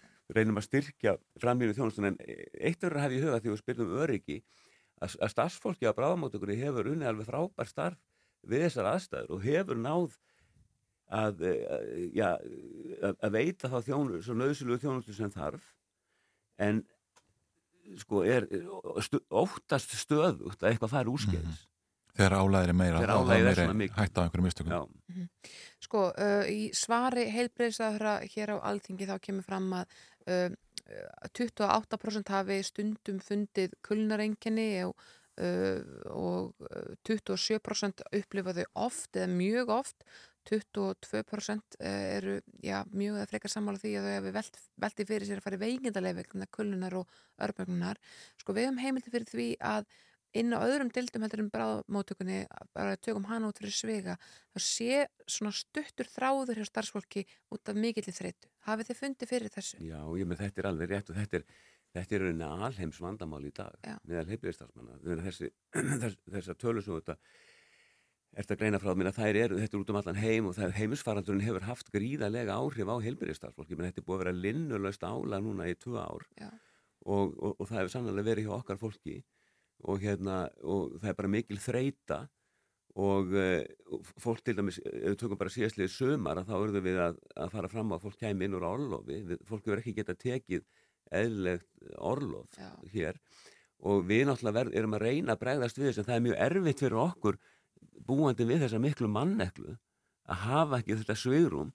en við reynum eins og við getum og eina af ástæðu þess að manneklan er svo mikil sem raunber vitni núna er að við náttúrulega erum að reyna að koma fólki þar sem hægt er í frí Mhm. og dreifum því yfir, yfir, yfir allt sömarið og svo erum við náttúrulega að hyggja að svo kallum velsældar úrræðum leiðum til þess að reyna einhvern veginn að hjálpa fólki að glíma við þessi vandamál þreita og jafnvel kulnur reyna átta okkur snemma á, á svona þróun Já, já. það geta gripið inn í Já, já, nákvæmlega. Eh, Það er náttúrulega einhver, einhverju hjúgrunafræðingar hérna úti sem starfa ekki við hjúgrun.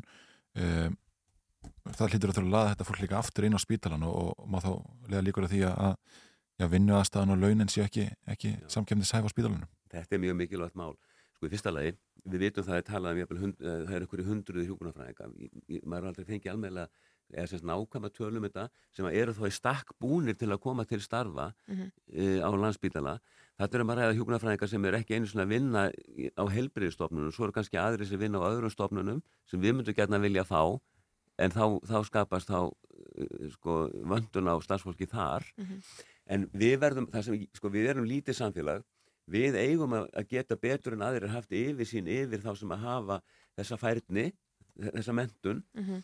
og leita til þeirra e, þú nefnir eh, kjörin landsbítali hefur ekki verið samkeppnisfær varandi launakjör við ýmsar aðrar stofnarnir, sérstaklega engarekna stofnarnir í helbriðstjónustunni og Já, já. þær fara vaksandi og það er náttúrulega við sko, spítalinn fær fjárveitingar á skundvelli og okkur ber að halda okkur innan innan ramma, bara samkvæmt lögum um opið fjármál, Mhm. það, setur, það, það, það, það, það setur okkur þrönga skorður en við verðum samt sem áður sko, við verðum að geta veitt okkar lögbundnu þjónustu og við verðum að leita allra leiða meðal annars.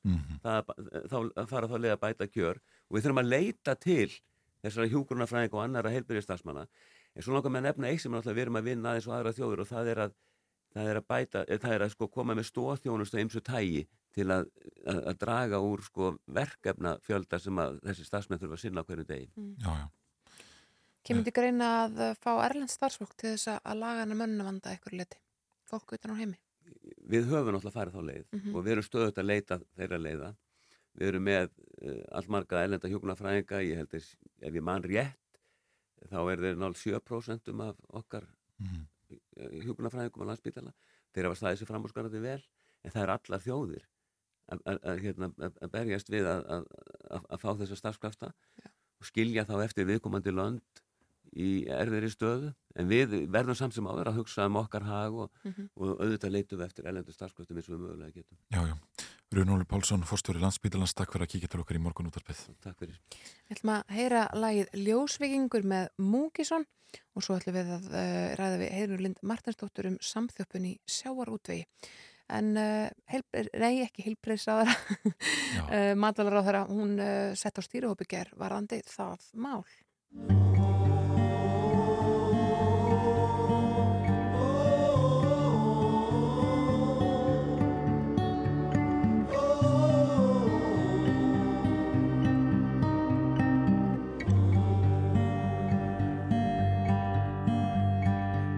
Skeng ég þennan dimma dag sem aðri gangum svarta reysa ég geng ekki Ég veit hver einn og einasti einstaklingur fæðist hér sem ljósvikingur ég geng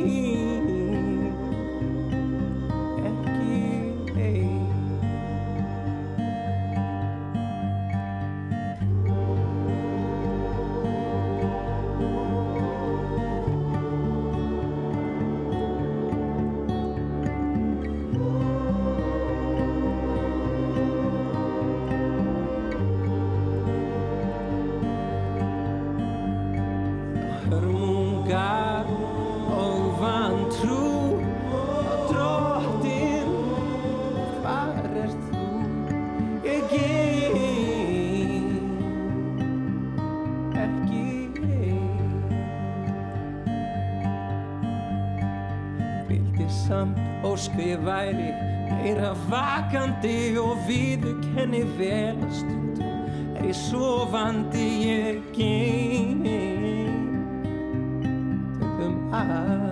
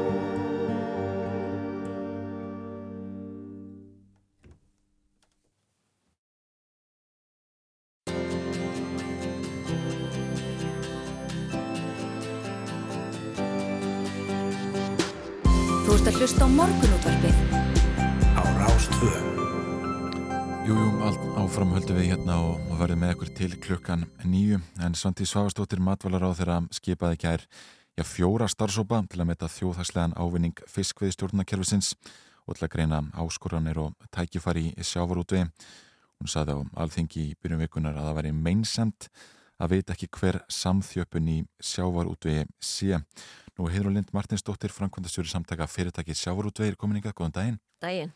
Hvað séu, er það mikil meinsemda að við sjáum ekki hver samþjöpunin er? Um, við vitum auðvitað hver, hérna, hvernig eignarhaldi liggur og hverjir eiga fyrirtækin og í hvaða fyrirtækjum þá þau fyrirtæki ef þau eiga í öðrum, uh, öðrum fyrirtækjum í sjávarútvegi þannig að það er engin leind sem að kvílir yfir því. Mm -hmm. uh, þetta er bara eins og með annað eignarhaldi í atvinnulífinu og, og rannsókn á því hvort að samþjöppun sé orðin skadaleg samkeppni eins og í tilviki það sem, að, sem er verkefni samkemseftilits, hvað atvinnulífi varðar, að þá er þessu ekkit öðruvísi farið í sjávarútu og það hérna, ef að hérna, stjórnvöld sinna því sem þeim er falið lögum samkvæmt, að þá að eftirlitið með þessu að vera auðvitað nákvæmlega eins og það er með öðrum fyrirtækjum í landinu. Mm. Þannig að þið lítið ekki svo á að, að sjávarútunum sé á höndum og fara? Nei, tölur benda ekki til þess og hérna maður verður auðvitað að horfa á, á staðrendinnar og hérna kannski aðeins til upprifjunar um sko samþjöppun í sjáurútu að því að þetta er hérna rætt oft á, tí, oft á tíðum á vettvangi stjórnmáluna e, og nú má nú minna á það að það eru auðvitað stjórnmöld sem hafa búið til það kerfi sem við búum hér við hvað fiskveðar varðar. Mm -hmm. e, og lögjafin hefur á hverjum tíma ákveðið hvernig eignarhaldi í sjávarútu skuli háttað.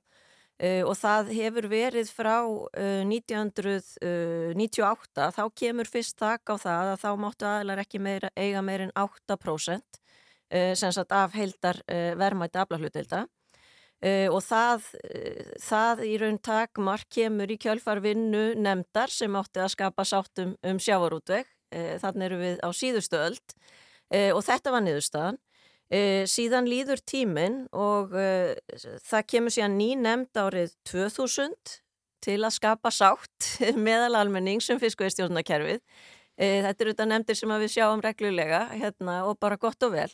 Og þá var það niðurstað þeirra nefndar eftir mjög ítalega hérna, vinnu og skýslu sem að lág fyrir. Þetta var auðlindanemndin svo kalla sem að Jóhannes Nordal fór fyrir og fólk svona almennt held ég sammálu um að þar var ótrúlega góð vinna unnin að þá var tekin svo ákvörnum að hækka þetta upp í, í 12%. Mm -hmm. Áður hafði reyndar verið þannig að það var 8% almennt meginreglan, það var 12% ef að fyrirtæki voru í dreifður eignaræðild.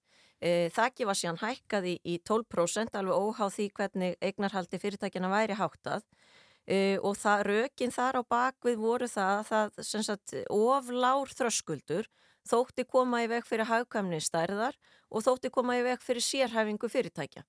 Uh, og það eru bara góð og gild og þetta eru alltaf rauk með og á móti en 12% er það sem að lögjafin hefur sagt að sé þakkið. Uh, það er aðeins eitt fyrirtæki sem að er í þessu eða nærri þessu þakki í dag. Þannig að nei, við erum hverki nærri hérna, komin upp í það þakk sem að lögjafin setti atvinnugrenni uh, en síðan er að þannig ok, ef maður skoðar hvað er skadileg samþjöppun og ef maður lítur bara til samkjöfnisréttarinn sem dæmi og ef við horfum á neytendamarkaði hér á landi sem sagt fyrirtæki sem að við, ég, við hér, hérna ég og þið erum að versla við að þá eru þetta Ísland svona fákeppnismarkaður, við erum með fá, fá stór fyrirtæki mm -hmm. og við höfum nú bent á það út frá ákvörnum sankjæms hérna, eftirlitsins uh, nýjustu. Ég meina ef við tökum hérna fjármálamarkaðin þá eru þrjústæstu fyrirtækin með 83% markaðslutdeild, ef við tökum dagverumarkaðin þá eru þrjústæstu fyrirtækin með 80% markaðslutdeild, ef við tökum tryggingar þá eru þrjústæstu fyrirtækin með 83% markaðslutdeild, svona mætti lengi telja eldsneiti, þrjústæstur með 60% markaðslutdeild. Það væri gaman að spyrja ykkur hvað eru þrjústæstu fyrirtækin í sjávarútvei með í hlutdeild hérna af aflahlutdeildum? Mm -hmm. Hafið þið hugmynd um það? Ekki hugmynd. Nei, nei, hva, hvað séu þið? Það eru 23%. Já. Þannig að sko, við erum hverki nærri komin að þeim mörgum sem að sko, fræði samkeppnisréttar segir Mm. að svona fákeppnins eða það er orðið það fáliðað á þessum í samkeppninni að það er orðið skadilegt neytendum og þeim Já. sem er að kaupa þessa vörð. En matvalar á þeir tala svona reynd út núna og verðist verið með skýra stefnum og segir að offáir hafi orðið ofríkir í, í sjávarútvegi og að það er ekki svona djúbstað tilfinning meðal almenningsum óréttlæti innan sjávarútvegsins uh, er það ekki þín tilfinninga að það er svona djúbstað tilfinningum um eitthvað óréttlæti þarna um þennan geira og, og, og þessi gott að stopna þessa nefndir og þessa starfsópa til að leggja staðins yfir þetta og, og koma með einhverja breytinga til þau. Sko við eigum að takast á um sjávarútu. Þetta er nýting á sammeilera auðlind þjóðar. Þannig að þýletinu til skilji vel að það séu sjónar með, með og móti. E, og það er líka það sem maður þarf alltaf að minna sig á.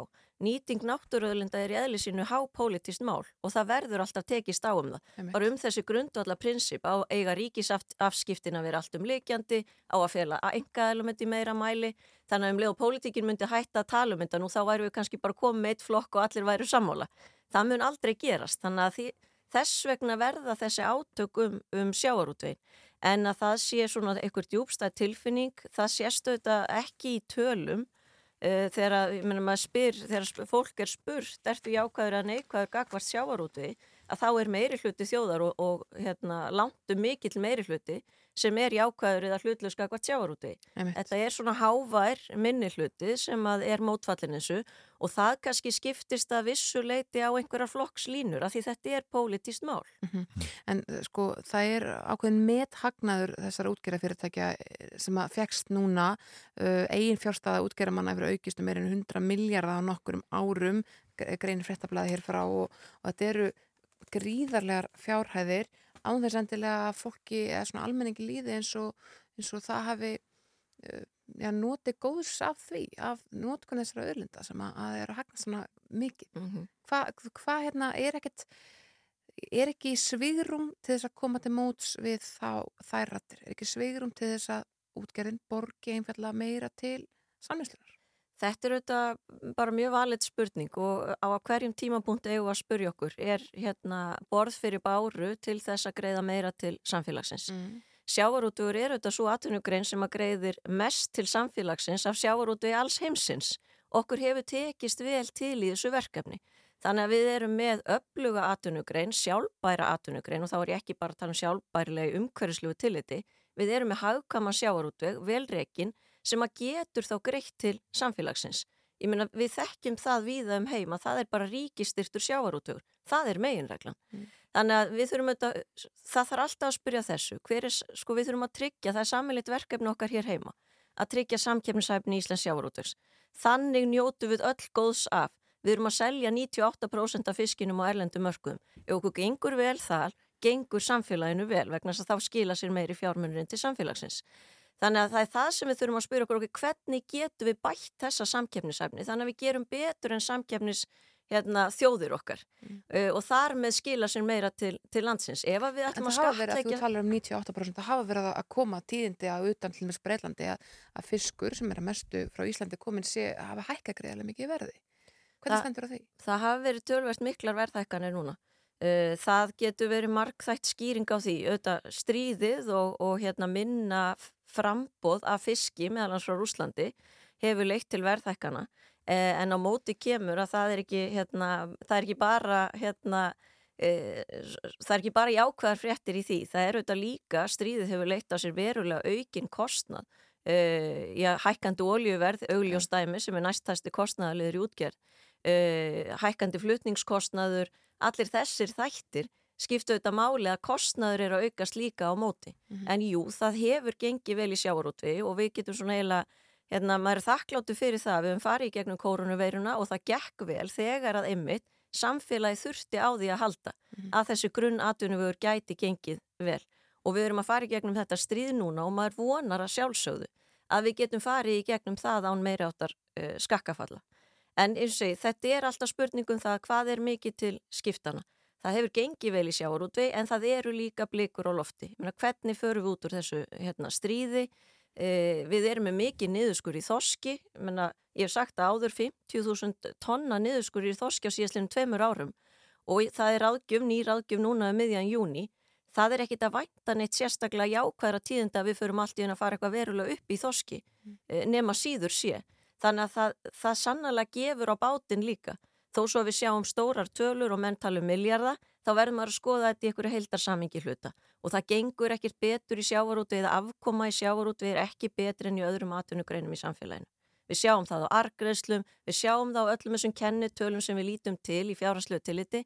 þegar við erum að meta svona hvernig gengur uh, í einstökum atvinnugreinum og sjávarútugurinn er ekkit að skila þar neinum umfram arði um umfram það sem hefbundið er. Nei, við komumst ekki lengra í þetta skiptið. Heirún Lind Martinsdóttir, framkvæmdastjóri samtaka fyrirtækja í sjávarútvegi. Takk fyrir að koma til okkur í morgunundarpið og, og ræða þessi mál. Takk hella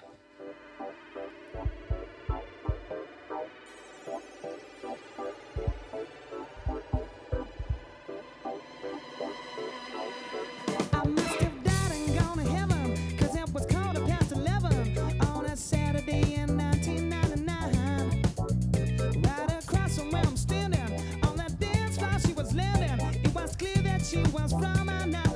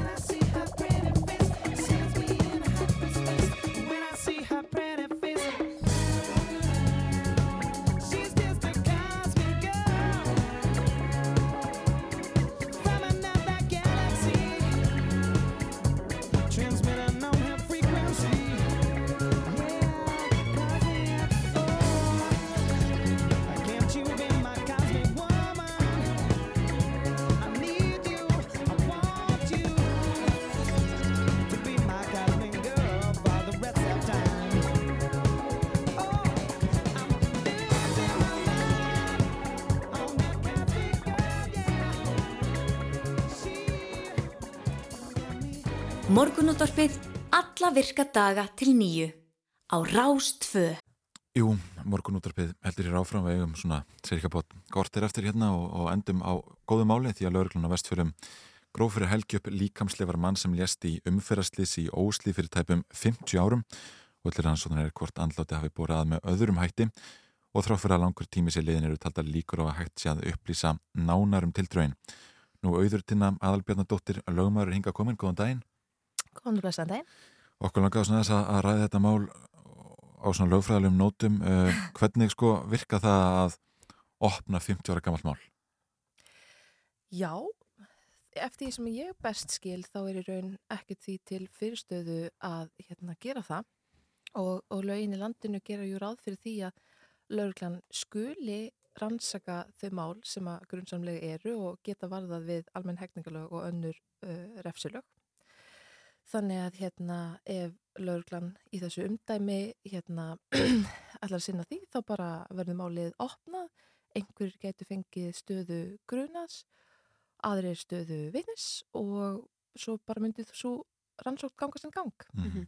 En ef að þarna væri grunur um mál sem að væri fyrnt, uh, væri þá jafn rík ástæða til þess að ráðast í það að opna það mál, þetta mál og, og grafa þarna upp uh, líkamsleifar eitthvað svo svo framins? Akkurat, sko, það var eitt sem við byrjuðum að tala um hérna á meðan lægið var í gangi að hérna það eru nokkrar tegundir glæpa sem að við sem samfélag eða löggjafinu minnstakosti hefur ákveðið að skulu ekki fyrnast. Og það eru nokkra típur og hérna mandráp er þar undir. Þannig að þó að mörgum sé kunnugt að alveglega mál fyrnist ofta á tveimur, fimm, tíu eða 15 árum eins og kynferðisbrot, það vita margir að hérna, kynferðisbrot almenn fyrnast á 15 árum alltaf jafna að þá hérna þá er þetta eins öðruvísi með morðin sko. E- e- Þetta eru fimm tegundir af málum sem, sem fyrnast ekki. Getur við farið yfir sko, hvers konar mál þetta eru? Já, svona sirka, en sagt fyrir áhugasum þá hveti ég ykkur bara til að fara inn á almenn hegningarlög 19, 1940 á alþingisvefnum og skrifa í Control Find gluggan uh, ævi langt Já. Að því að þar eru þau komið með líkilinn að málum sem ekki fyrnast. Og það er ímislegt, ég man ekki hvort er nákvæmlega fimm. En það er sem sagt uh, kynfyrsbrot gegn börnum, þetta vita margir. Mhm. það verður tekinn samfélagslega ákvörðun um þetta fyrir nokkru, það sem sagt börn kannski bæla minningar af kynfyrsbrotum og, og hérna fatt ekki fyrir þau eru kannski, ég veit það ekki, þrítug að eitthvað sem þau var gert þegar þau voru tíu ára gömul það var kynfyrsbrot Mhm. Og samfélagið hefur ákveðið að, að þetta skuli ekki fyrnast. Og svo er alltaf mikilvægt að hugsa hver heldur á pennanum, sem sagt hver semur lögin og það er landraðakablin okkar flotti sko. Þar eru brot sem að fyrnast aldrei. Þannig að ef að, ef að einhver gerir uppreist gegn Íslenska ríkinu og kannski tekst það vel, fer síðan í felur í Suður Ameríku eða hvað sem ykkur dettur í hug og finnst sko 40 árum setna, þá er það þetta opna það mál og, og ákæra þann manni eða þá konu sko. Mm. Já, einmitt, einmitt. Já, þetta er fornilegt. En eh, sko, hvað heimildir hefur ríkið til þess að raska líkamsleifum fólks með þessum hætti, eins og gert hann? Einmitt. Uh, Lörglan hefur náttúrulega bara mjög ríkar rannsóknarheimildir sem að almennt séð eru taldar tromba einhver skonar uh, friðhelgi, grafhelgi eða hvað við höfum að kalla þetta. Og það eina sem ég hef í raun og veru um þetta sérstaklega mál að segja þó ég hafi ekki kynnt mér það vel er að það er reynsla mín sem uh, starfsmæður á lögmastofu og lögmaður í, hérna, já, lögmaður í fimm ár, segjum bara lögmaður í fimm ár að hérna ef einhver heldur að það sé glæpur þá er best að leggja fram formulega kæru Mm. þannig að ef það er einhver svona fjölskyldumæðlumur eða annað sem að myndi vilja láta rannsaka og þetta bara á við um mál almennt þá mæti maður niðurstöð og segir góðan daginn, ég vil leggja hér fram kæru og fer ekki fyrir að það er búið. En þarf að vera raukstutur grunur um að eitthvað sagnemt hafa átt sér stað til að meir grafa einhvern upp. Vá, frábær spurning, ég hef ekki svarið henni. Allavega hérna í þessu tilviki þá verið að, að e, þá er þetta beðinni Einmitt. ættingja. Já, Algjörlega. Og ættingar uh, tjáðu svo þessi gæri fjölmjölum sögðu að fjölmjölaumfyllunum um þetta mál hefði skada rannsóknarhagsmunni. Sko, er það þín reynsla sem lögmaður að fjölmjölaumfyllun almennt geti gert það? Er, eru domstólara þetta fingur út í það að einhver mál hafi rataði fjölmjöla, eitthvað hafi komið upp, uh, þar eitthvað upplýsingar og svo framins? Að það núna búið til dæmis ekki Já. við þetta kerfi sem við sjáum í bandaríkjum sem að kviðdómur má helst ekki hafa séð neitt um fréttir í... Já, það er reynsla mín nú ætlum ég bara að tala ótrúlega reynskili já, en sangjant, ég ætla að reyna það er reynsla mín sem lögmaður í ýmsum sakamálum bæði sem verjandi og réttakeslumaður ég er bara gerðnan í koruludurkinu sem er Mhm. að íslenski dómarar séu starfi sínu vaksnir Mhm. og vandi sig og geti algjörlega leitt hjá sér um, svona noise, svo ég sletti nú aðeins Já. að ég, bara mín reynsla er að í sakamálum sem að ég mest verið fyrir hérastum Reykjavíkur en aðeins á Vesturlandinu í Borganesi að hérna dómararnir sjáu bara gegnum einhverju vilsu Mhm. og raunar eins og margir vita þá fá mál stundum hraðari meðferð ef þau eru ábyrjandi. Já. Já. Þannig að sko þegar að almenningur hérna er óþreyfullur og málin eru framan á öllum blöðum og svona. Ég meina að bara nærtækt dæmi er bara, þú veist, uh, málið um hérna, Tómas Möller. Mhm. Að, hérna, það, það mál fór hratt í gegnum kerfið. Það spilaði nú inn í að hann var Erlendur Ríkisborgar líka, ekki Það spilaði klálega inn í, en það spilaði virkilega inn í að þetta var bara skók þjóðina, sko. Og ef við förum aðeins aftar í réttarsöguna, þá náttúrulega Guðmundur og Geirfinnsmálið. Það bara var framan á blöðum bara í, þú veist, hvað, 2-3 ári eða eitthvað. Og eins og amma og afi sögðu mér, sem muna vel eftir þessu, bara, bara fólk talaði af allum annað. Og þá var náttúrulega fengin einhver þýsku sérfræðingur til þess að, veist, hjálpa að klára málið. Svona virkar þetta. Mhm. Auðvitað hefur lauruglan fullan rétt á því að forgangsraða málum og forgangsröðunin er eftir því sem ég best skil í takt við vilja almennings að það sem okkur finnst alvarlegast því er forgangsraðað en ég hugsa að skemm ekkert fyrir Nei, Nei. þegar almenningur er óþreifullur. nei, einmitt. Ef við erum að tala um þessi mál sem fyrnast ekki, er þá refsir að menn bara alveg svo sami og ef brotið hefur verið framið í, í gær?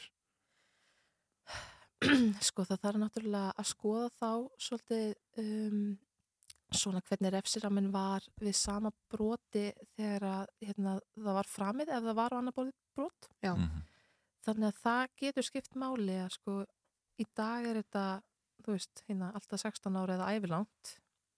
Uh, það er rammin og þessi lög eru frá 1940 og þá þarf bara að rifja upp, var þetta sami refsirammi þegar þetta atvik átti sér stað. Já, já.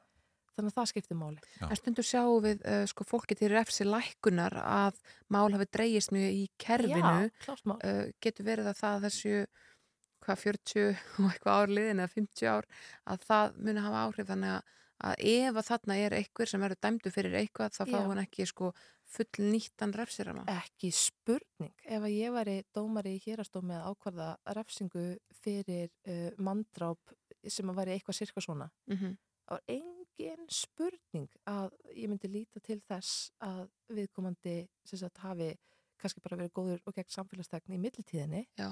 og sé kannski bara þú veist, bara þú veist, hættur að vinna og bara með barnabötn og bara allt Mhm. venjulegt sko þannig að hérna, það er engin spurning að það er alltaf litið til tíman sem á undan hefur liðið við ákvörðun refsinga Mm. og það, það álíka bara að vera þannig Já, nákvæmlega, þetta er ágætt loka orð auður tína aðalbjörnandóttir lögmaður, takk fyrir að kíkja til okkur í morgunútöpi. Takk sem leis Við komumst ekki lengra í dag, við erum búin að fara yfir eitt og annað. Já. Uh, tölum við með hans um uh, stöðuna á Krísuvíkuberginu sem að bara það fara já, í, í, í hvert Já. skipti bara hérna trukka, trukka full uh, berg eða. Já, já, Hamravekkurinn færi stöðut innar og, og, og nálgast ljósvitan sem er þarna, hann sagði að það var nú eitthvað í það samt að, að hann færi niður. En það var gríðalt magn af En sem að fer hann onni, onni í haf Já. svo tölum við aðeins um þjóðratkvæðgriðsluna í Danmörku sem að stendur yfir varandi Evrópusambandið Já, já, fasteignamatið og stöðun á landsbítalanum. Algjörlega. Og svo rættum við við Heiðrunu Lind Martinsdóttur um uh, samþjöppun í sjáaröldvegi. Hún segir að það sé ekki meiri hagnaðar á sjáaröldvegi heldur en öðrum geirum og uh, alls ekki fleiri, sjáaröldvegi sé ekki á höndum færri heldur en að hann er sest, aðrir bransarir og nefndi þetta til dæmi tryggingabransan. Einmitt, við fyrir að kveðja hann fyrir þá sem eru á leið e, út í daginn, þá má búa stuð svona skúri með smá rigningum við svegurum landið í dag, er svona úrkomi lítið fyrir norðan. Ef við ætlum að fá nýju fréttir, kveðið í dag og þakka fyrir samfélgina og við verum hérna aftur á morgun. Algjörlega. Og það er það nálgast allt okkar efni á vefnum rúf.is